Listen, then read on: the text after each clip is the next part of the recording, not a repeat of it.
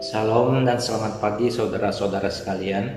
Mari kita berdoa untuk merenungkan Daniel 2 hari ini. Kita berdoa.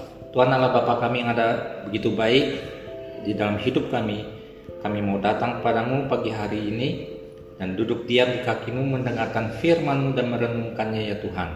Ya karena itu beri kami hikmat yang daripadamu sehingga kami mengerti, memahami, dan juga dapat menjadikannya sebagai pedoman di dalam hidup kami. Dalam nama Yesus, Tuhan dan Juru Selamat kami, kami sudah berdoa. Amin. Saudara-saudara sekalian, kitab Daniel ini ketika saya masih di remaja maupun pemuda, maka kisah Daniel ini begitu menarik perhatian saya dan menjadi favorit.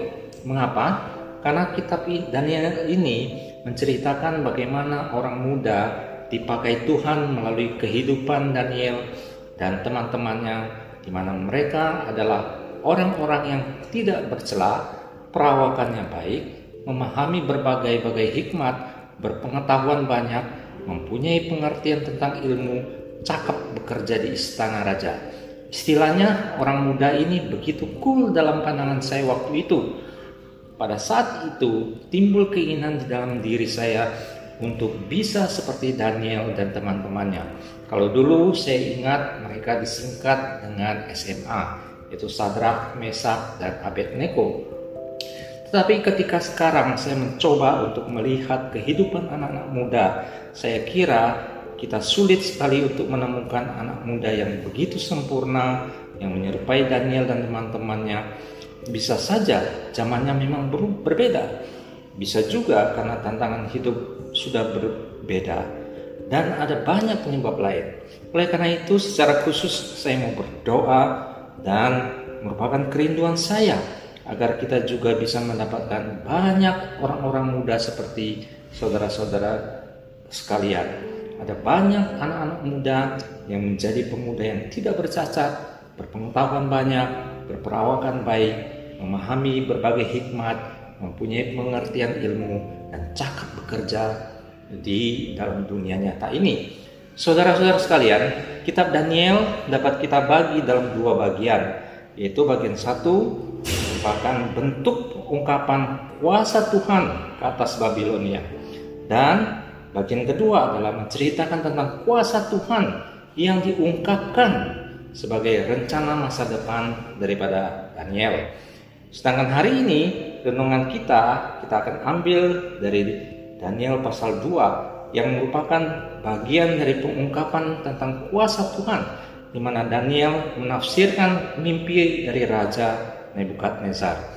Dan untuk lebih memudah memahami Daniel pasal 2 ini, maka kita bisa membaginya dalam empat bagian, yaitu ayat 1 sampai 12 yang merupakan amarah raja, kemudian ayat 13 sampai 23 yang merupakan doa pada Allah sebagai sumber hikmat. Kita akan melihat kehebatan iman Daniel dalam menghadapi krisis kematian. Kemudian yang ketiga adalah ayat 20 sampai 23 yaitu cara Daniel untuk memuji Tuhan. Dan yang keempat, bagian keempat adalah ayat 24 sampai 49. Tindakan Daniel memberitakan kerajaan Allah. Saudara-saudara yang terkasih, mari kita melihat yang satu persatu ayat 1 sampai 12 sebetulnya mengisahkan bagaimana risaunya Raja Nebukadnezar berkaitan dengan mimpinya? Meskipun ia sadar bahwa ia memiliki kuasa yang begitu hebat tetapi mimpinya justru meresahkan dirinya. Para ahli diminta untuk menjelaskan arti mimpinya.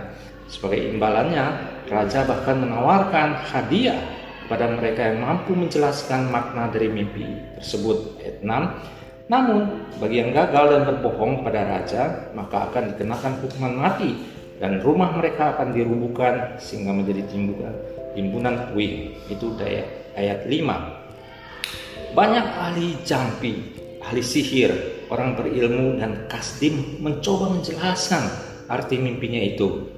Kita bisa lihat di dalam ayat 2 sampai 4. Namun, semuanya itu sia-sia ayat 10 sampai 11 dan tidak ada seorang pun yang dapat menafsirkan mimpinya raja. Bahkan berusaha untuk mengulur waktu, tetapi selain tidak mampu menafsirkan mimpi raja yang lebih buruk adalah mereka para ahli itu berusaha untuk mengulur waktu sambil mencoba mencari cara untuk menyelamatkan diri.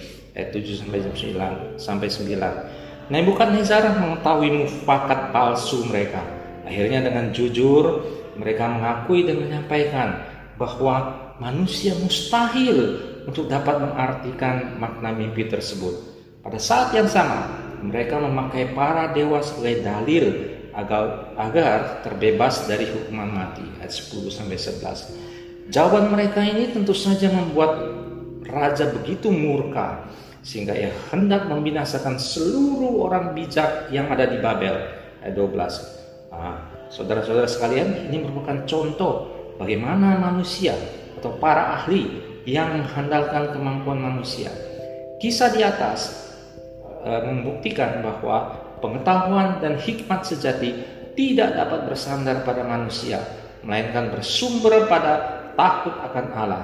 Karena itu, hendaknya kita menyatakan tekad untuk selalu bersandar pada kekuatannya agar hidup kita menjadi kesaksian bagi orang banyak. Yang kedua adalah ayat 13 sampai 23. Ini merupakan kisah bagaimana kehebatan iman Daniel dalam menghadapi krisis kematian merupakan doa kepada Allah yang adalah sumber hikmat. Waktu Daniel mendengar tentang titah raja untuk menghabisi semua ahli, maka Daniel meminta menghadap raja dan meminta waktu. Dan yang dilakukan Daniel adalah ia datang kepada rekan-rekannya untuk meminta mereka berdoa dan memohon belas kasih sayang Tuhan agar dapat mengartikan mimpi dan belas kasihan mereka dan orang-orang bijak tidak dilenyapkan oleh raja.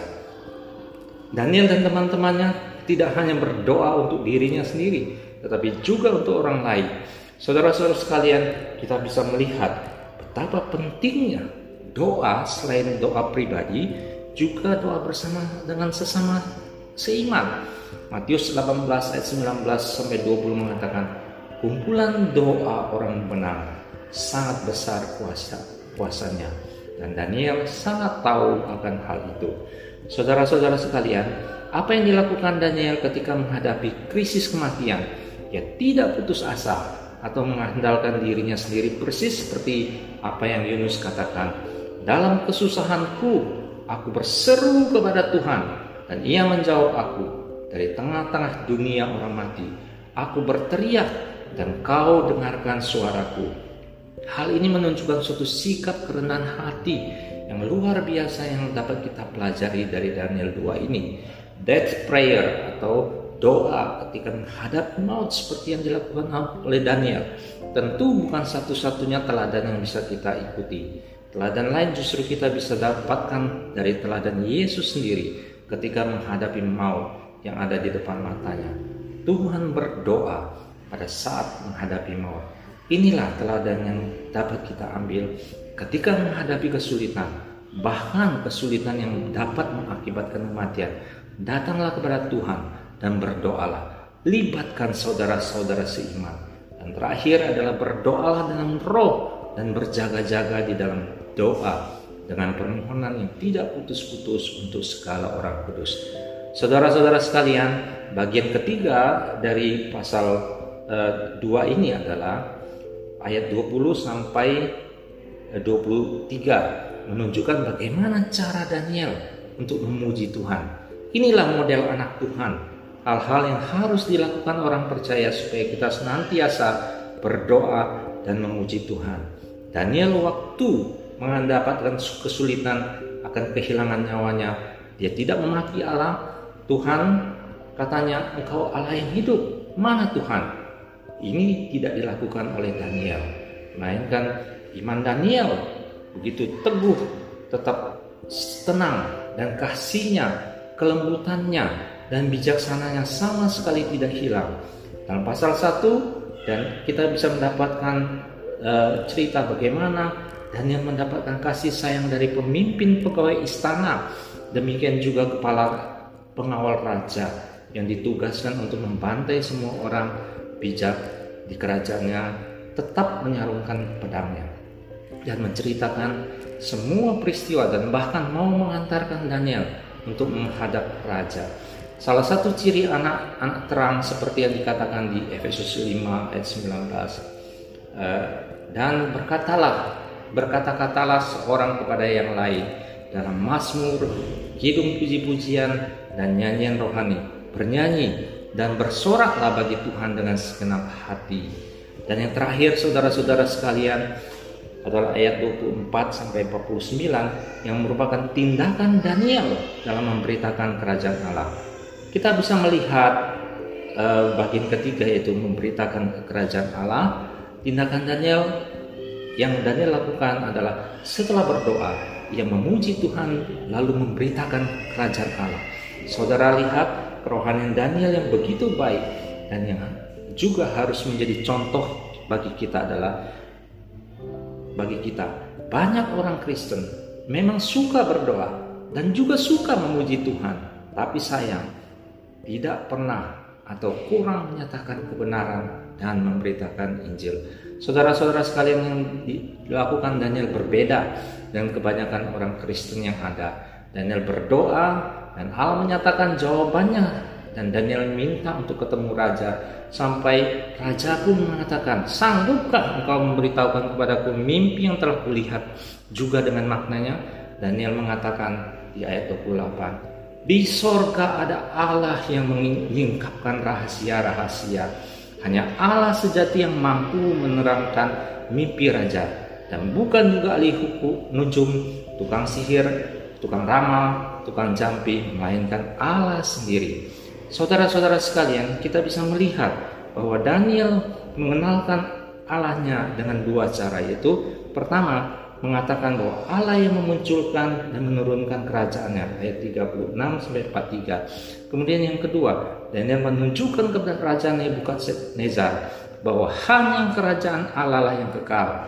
Saudara-saudara sekalian, pelajaran apa yang kita dapatkan dari pasal 2 ini yaitu bahwa Daniel yang juga harus kita contoh dalam kehidupan iman kita adalah untuk senantiasa berdoa, memuji Tuhan, menyatakan kebenaran, dan mengabarkan Injil.